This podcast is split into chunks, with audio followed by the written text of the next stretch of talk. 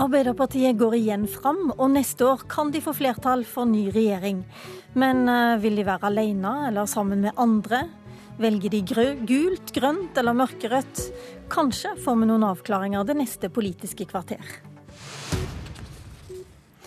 Velkommen, Jonas Gahr Støre, leder i Arbeiderpartiet. Tusen takk. Etter en ganske traurig vår for Arbeiderpartiet på meningsmålingene, så lysner det nå i juni. Etter flere målinger så viser at du kan bli statsminister. Og flertall det kan du få enten med Senterpartiet og KrF, eller med Senterpartiet, SV, Rødt og MDG.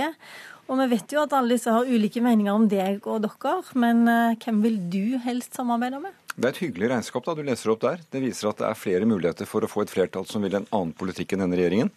Og det er nok for meg å vite før vi går inn i det siste året. Dette halvåret har vært ganske avklarende. Regjeringen har gått på mange nederlag. Og vi har klart å samle flere flertall enn du kanskje skulle tro når vi ikke er i flertallet i Stortinget og ikke er i en samarbeidsavtale. Så dette utgangspunktet er veldig bra, og eh, jeg tror vi får et eh, spennende år. og vi er på offensiven. Men nok for deg, sier du. Er det nok for velgerne? Det kan bli enten at du skal samarbeide med Rødt og MDG, eller med jeg tror vel, altså, Det jeg erfarer når jeg reiser rundt, at velgerne kommer til å bli fryktelig lei av at vi skal få debatter om ett parti inn, ett ut nå, over et år før valget. Det kommer sikkert ganske mye av det før valget. Hovedspørsmålet er Får denne regjeringen flertall for den kursen den har, eller er det grunnlag for politikk som går i en annen retning? Og det alle sier når jeg snakker politikk med dem, er snakk om politikken. Hva er forskjellene på arbeid, hva er forskjellen på helse, hva er forskjellen på skole, hvordan satser vi sammen? Det er det velgerne er opptatt av. Så jeg tror de kan leve veldig godt med at det er det vi fokuserer på nå. Hør litt nå på en mann som du pleide å lytte til. Men jeg er helt enig i alle som sier at det er velgerne som avgjør det. Problemet er bare at hvis de stemmer på en av de fire partiene der, så vet de ikke hvilken regjering de får. Så du kan jo ikke si til velgerne dere skal bestemme, men det er hemmelig hva som skjer hvis du stemmer meg. Og da, og da, noen sånne fundamentale ting som hvem som skal være med i regjeringa, blir avklart. Hva som er de økonomiske rammene, blir avklart. Det syns jeg at det er en lederoppgave å avklare før et valg. Vi gjorde det. Hvem som skulle delta. Rammene for politikken ble avklart. Ja, det var Jens Stoltenberg, det. Før stortingsvalget i 2013. Engasjerte stemmen. Jeg kjenner igjen den. ja, Og han avklarte. Han syntes det var en lederoppgave, til og med? Jo, men la meg si det sånn. Vi har jo avklart, vi. At vi kan styre med andre partier. Eh, vi styrte i åtte år, tok godt vare på landet gjennom finanskrisen med Senterpartiet eh, og SV. Eh, og i denne perioden så viser vi at vi kan samarbeide med dem og med andre partier i saker. Men er det liksom helt uh, åpent for deg og kjempefint det med om det blir MDG eller om det blir KrF? Eh, altså, Dette skal vi komme tilbake til når vi nærmer oss valget, og ikke minst så er det valget som skal avgjøre det. Men eh, Erna Solberg sa også noe klokt i den valgkampen faktisk i 2013, hvor hun sa at hun tror ikke velgerne blir veldig skremt av eh, en del av det Jens der sa, at du måtte liksom ha millimetersvar på det i forkant av valget. Og det har jeg egentlig tatt til meg, og jeg erfarer det så veldig selv. Folk snakker om sakene. Hva blir flertall for sakene? Folk vet hva Arbeiderpartiet er. Eh, og om vi skal inn og være alene eller sammen med andre partier, vi skal ha flertall for en annen politikk og en regjering som er i stand til å gjennomføre den politikken. Og når vi snakker om politikken, så får vi også oppslutning, og det har jeg tenkt å fortsette med. Men da de rød-grønne tok over i 2005, så hadde det vært arbeida mye, bl.a. innenfor ditt område, utenrikspolitikk, da, eh, på å finne en felles politikk, sånn at man visste hva som var alternativet. Man skulle finne alternative saker. Er det ikke aktuelt å gjøre noe sånt eh, det neste året? Jo, altså hver tid har sine former. Denne våren har gitt en ganske mange interessante frampek egentlig på viktige områder for politikken i Norge. Enten det handler om skatt, eller om familiepolitikk, eller eh, eh, barnehager, skole, hvor det avtegner seg andre flertall. Og Det kommer til å fortsette i løpet av våren i høsten som kommer. og Vi skal være aktive på det, slik at velgerne er veldig tydelige på hvilket alternativ de har til denne regjeringen. Eh, og Det er som sagt det spørsmålet som, eh, som vil komme. Er det et flertall av partier som vil en annen kurs? Og er det det, så skal vi kunne samle oss om en god eh, og styringsdyktig regjering. Erna Solberg sa noe klokt, sa du. Gjorde hun også noe klokt da hun oppretta denne nyvinningen som var samarbeid, denne samarbeidsavtalen med, med, Venstre og KrF? Er det en type Nei, samarbeid du kan kopiere? Det, det er mye ved den som jeg ikke frister så mye, og aller minst er jo det historiske valget Erna Solberg tok med Fremskrittspartiet. Hun bandt seg til Fremskrittspartiet. Det går ut ifra du ikke skal gjøre. Nei, men, men det er noe med at det har hun også gjentatt at det står hun fast ved. Og det utfordrer jo de andre partiene på Stortinget. Er det en slik regjering vi fortsatt skal ha i fire år? Og jeg mener det er gode grunner med litt ulike argumenter for partiene til å si at svaret på det er nei. Og Arbeiderpartiets bidrag Vi har vist at vi styrer godt med andre. Vi kan styre alene, men jeg har erfaring med å styre med andre og er bekvem med det. Jeg tror Arbeiderpartiet også blir bedre av å styre med andre. Eh, og vi skal vise at det er godt med et sånt alternativ. For med Fremskrittspartiet og Høyre, med tyngdepunkt i Høyre for Høyre, er ikke bra for Norge. Det svekker kvaliteten ved samfunnet vårt. Det gjør oss mindre rustet til å møte de store omstillingene samfunnet skal møte. Hvor viktig kommer Kristelig Folkepartis samarbeid til å bli i Stortinget neste Altså, Kristelig Folkeparti vi har hatt mye godt samarbeid med, og det viser jo sakene. De oppsummerte politikken i går og viste på områder hvor vi har fått gjennomslag, for vi har satt oss ned. Det gjelder også i forhold til våre tidligere rød-grønne partnere, også med Venstre på noen områder, med MDG på noen områder. Og når vi legger litt av dette med liksom matematikken i partiene til side, ser på sakene, så bygger vi det samarbeidet nedenfra. I saker og i holdninger. Det, det Kristelig Folkeparti også minner oss på, som er viktig for meg, det er at politikk handler om kroner og øre på en del områder, men det handler også faktisk om verdier, samfunnsretning, folkestyre. Hvordan kvaliteten er i, i, i, i samfunnet vårt, frivilligheten, sivilsamfunnet. Eh, og Det eh, har vi godt utbytte av å jobbe med dem om i de konkrete sakene. og Det at vi har kommet sammen f.eks. på familiepolitikken, i forhold til barnehagene, på slike områder, det tror jeg har overrasket mange. For oss har det i grunnen falt ganske naturlig, fordi vi har jobbet godt. Friavferden fortsetter? Ja, det kan du si. det er ikke helt bra å fri i mange retninger da, i, vårt samfunn, men det å være et åpent parti, eh, som Arbeiderpartiet har lagt til grunn for å være Nå avtegner vi vår politikk gjennom program. Jeg har lagt en plan om at når du går ut av regjering, så må du bruke tid på å finne deg selv, bygge politikken, ha bred samtale med velgerne. Den konkluderer nå. Og nå kommer vi en politikk på område etter områder, og det ser velgerne. Og jeg tror det er en av grunnene til at vi får økt oppslutning. Vi har ikke bare invitert deg her for å snakke om samarbeidskonstellasjoner. Vi skal snakke om kanskje det viktigste en politiker kan gjøre også, det å sende folk eh, avgjøre om norske soldater skal sendes i krig. I seks år satt du som utenriksminister mens Norge var engasjert i Afghanistan. Aurora Skare Håvåg mista moren sin i den eh, krigen, og da hun hørte konklusjonen etter evalueringsrapporten som kom, så hadde hun denne reaksjonen. Jeg ble jo først veldig opprørt, eh, og lei meg, ikke minst, fordi det første hun slo meg, var har jeg, har jeg mistet min eneste mamma for ingenting. Um, men så etter å ha pratet med, med, pappa og tenkt litt over det selv, så fant jeg jo ut at eh, når de ser på hele bildet, at det ikke bare er det som teller, at det er mer hva hun følte og mente var riktig, og også de opplevelsene hun hadde, og hva hun gjorde for individuelle mennesker som bodde der på den tiden. da. Ja, Aurora fant altså en mening med krigen moren deltok i. Men eh, Jonas Gahr Støre, du var utenriksminister i mer enn halvparten av den tida da Norge var i Afghanistan. Ti nordmenn døde, det kosta 20 milliarder kroner, og det vi oppnådde var å få et bedre forhold til amerikanerne. Var det verdt det? Ja, det er en veldig tabloid oppsummering det du gir der. Den uh, vil ikke jeg slutte meg til som den eneste. Moren til Aurora hun uh, bidro jo særlig for FN. Eh, og det er helt fryktelig det de måtte oppleve, og det har også andre norske familier opplevet gjennom at de har mistet sine kjære eller fått dem såret. Jeg mener Norge tok ansvar. Disse flotte menneskene tok ansvar. Det som gjør inntrykk på meg, at det er jo flere enn henne som sier det hun nå sier.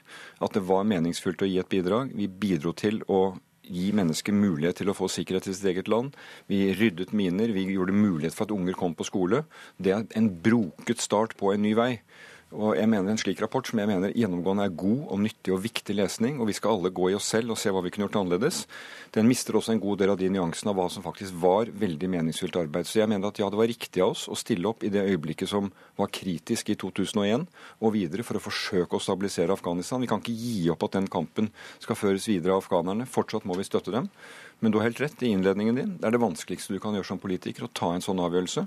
Nå... Men som alltid, det å ikke ta den og sitte og si vi ikke gjør noen ting, det er også et viktig, et viktig vedtak. Og det hadde vært feil å si at Norge tar ikke det medansvaret.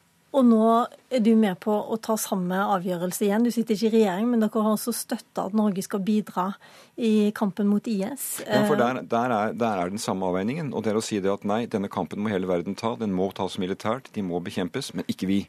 Og det vi har funnet fram til Men igjen så har vi de samme forholdene. Under, vi er avhengig av amerikanerne. Det er ikke helt klart hvem som skal ta over dette landet. Det er ikke helt klart hvem vi faktisk støtter heller. Eh, ikke, har du ikke lært noe av den Afghanistan-erfaringen? Jo, jeg mener vi har lært mye av den, og vi skal oppsummere den på grundig måte. Men det å møte verden er ikke som å løse en påskekryssord. Det er komplisert, det er uoversiktlig. Eh, og vi kan ikke analysere den trusselen som fundamental også mot oss, og så si samtidig at det får andre levere. Nå er det regjeringen som har ansvaret for å gjøre de nøyaktige vurderingene. Vi skal uh, gi støtte til hovedretningen, og jeg mener hovedretningen kan støttes. Vi skal trene folk som skal kjempe for å gjenvinne kontroll over sin, sitt område. Dette er mennesker som har blitt jaget av IS, og som finner en mulighet til å ta tilbake. Jeg skjønner det, men jeg bare lurer på, er det noe av de erfaringene som ble oppsummert i Afghanistan som dere nå har lært av, som dere ikke skal gjøre igjen? Jeg mener jo at hele denne operasjonen sier om viktige lærdommer fra Afghanistan og andre områder. Det er jo ikke snakk om en massiv militær intervensjon. Situasjonen i Syria er veldig annerledes enn Afghanistan. Her skal vi altså trene folk som skal kjempe sin krig. Det er veldig annerledes. Og noe av det som gjorde inntrykk på meg i Afghanistan, var jo at vi kan ikke kjempe andre menneskers krig i over lengre tid. Er ikke det det man gjør i Syria? Nei, men vi skal ikke kjempe den krigen. Men vi skal sette folk som lever i Syria, sunnimuslimer som skal gjenvinne sine områder, i stand til å bekjempe det onde som IS er. Det må Norge være med på, og vi gjør det på en måte som jeg mener vi kan stå opp for, som vi har trening for, og vi har våre aller dyktigste og mest erfarne folk til å gjøre det. Eh, noen har stilt spørsmål ved hvilket Arbeiderparti man nå egentlig ser. og Det gjelder i forhold til den store utfordringen med, med migranter til, som kommer til Europa. Flyktningstrømmen som skyldes bl.a. denne krigen. For ett år siden så sto du på talerstolen på Ap-landsmøtet og snakka varmt for om å ta imot 10 000 syriske flyktninger fordi Norge har et moralsk ansvar. Og ved juletider mente nestleder Trond Giske at Listhaugs forslag til innstramminger ikke var så spesielt strenge. Og så endte dere med å stemme for den strengeste asylpolitikken i Norge noensinne, men ikke for Listhaugs forslag. Det er vel lov å si at det er litt grann uryddig, kanskje? Nei, dette er en veldig klar linje. Det var helt riktig å ta imot kvoteflyktninger fra Syria. Det er en ordnet mottak av folk som har behov, ikke en kaotisk situasjon hvor folk strømmer over grensene. Så har Arbeiderpartiet i hele sin tid vært for en streng innvandringspolitikk, kontroll ved grensene og en raus og aktiv integreringspolitikk. Det opplegget som regjeringen har presentert da de på en måte slapp ideen med et bredt forlik, hvor vi satte oss ned og fant løsninger sammen i fjor høst, det er det Arbeiderpartiet du kjenner igjen. I viktige saker for landet stiller vi opp. Men så ble det jo en helt annen ferd etter jul hvor altså de valgte en konfrontasjonspolitikk. Da var Arbeiderpartiet med med det brede stortingsflertallet si vi skal ha innstramning, vi skal ha integrering. Vi legger våre forslag, de er nå vedtatt. Vi har flyttet tyngdepunktet tilbake til der det hører hjemme i Stortinget, solid og godt forankret. Det er jo Høyre særlig som har sluppet feltet her. De har latt Fremskrittspartiet drive dette gjennom våren. Det mener jeg har svekket det utgangspunktet vi hadde før jul, hvor så bredt storting sto sammen. Arbeiderpartiet har tatt ansvar, og vi har fått flertall. Men Sylvi Listhaug savner deg, bare hør her. Det er synd at Arbeiderpartiet har gjort en kuvending i innvandringspolitikken. At man tidligere i veldig mange saker sto sammen med Fremskrittspartiet og Høyre for å stramme inn og føre en stø kurs. Mens man dessverre har sett i senere tid at eh, det har vært mye vingling, det har vært forskjellige signal, og at man nå da har gått i retning av at man dessverre ikke støtter viktige innstrammingsforslaget. Det er den tidligere landbruksministeren som snakker om kuvending, så hun bruker eh, ord. Eh, nå har vi det med kanskje fra sjøspråket, men eh, det er altså Høyre og Fremskrittspartiet som ikke klarer å holde et bredt forlik samlet. Og det er Arbeiderpartiet som har bidratt til det. Så veldig. det gjør veldig lite inntrykk på meg, det hun sier der. Vi skal gå inn for landingsdøra. Siste spørsmål. Kommer det til å bli mange brede forlik framover, eller skal dere markere dere sjøl? Da jeg ble valgt, sa jeg at der hvor vi landet er tjent med det, så søker vi brede forlik og er enig med regjeringen hvis det er godt for landet. Hvis ikke fremmer vi vår egen politikk. Denne våren har vi samlet oss om et skatteforlik. Vi står sammen om viktige ting på utenrikspolitikken. Og så har vi markert oss på en lang rekke områder. Arbeid, velferd, utdanning, eh, eldrepolitikk. Og det er en profil du kommer til å se fortsatt. Lars Nehru Sand, politisk kommentator her i NRK. Kan du oppsummere for oss hva tror du vi kommer til å se, hvilket Arbeiderparti tror du vi kommer til å se det neste året? Arbeiderpartiet må både søke et uh, flertallsalternativ som er, uh, som er, bredt nok til at det vil bære lenge. Det holder ikke nødvendigvis å være avhengig av partier som godt kan falle under sperregrensen. For det må være et flertall som er uh, bærekraftig over tid. På den annen side så må Arbeiderpartiet fremstå som et tydelig alternativ til dagens regjering. Man må i større grad enn i dag se tydelige konturer av et regjeringsprosjekt som vil noe frem fremover, ikke bare evne å respondere på de sakene eh, Erna Solberg sendte til Stortinget. Kan du si noe veldig kort om eh, hvordan de ligger an et år før valget? Ja, de ligger jo, eh, altså den, eh, Dagens regjering ligger bedre an enn det det er vanlig at et stortingsflertall med, med fire partier gjør et år før valget. Men nå kan Støre ta en eh, sikkert hyggelig sommerferie på Sørlandet med eh, visshet om at juni er den første, på, nei, første måneden på over et halvår hvor, eh, hvor dagens fire partier mister eh, flertallet på snittet av meningsmålingene, sannsynligvis. Det kan nok Jonas Gahr Støre, men ikke før han har oppsummert vårsemesteret på en pressekonferanse i dag. Takk til Støre, takk til Lars Nehru Sand, programleder Lilla Sølhusvik.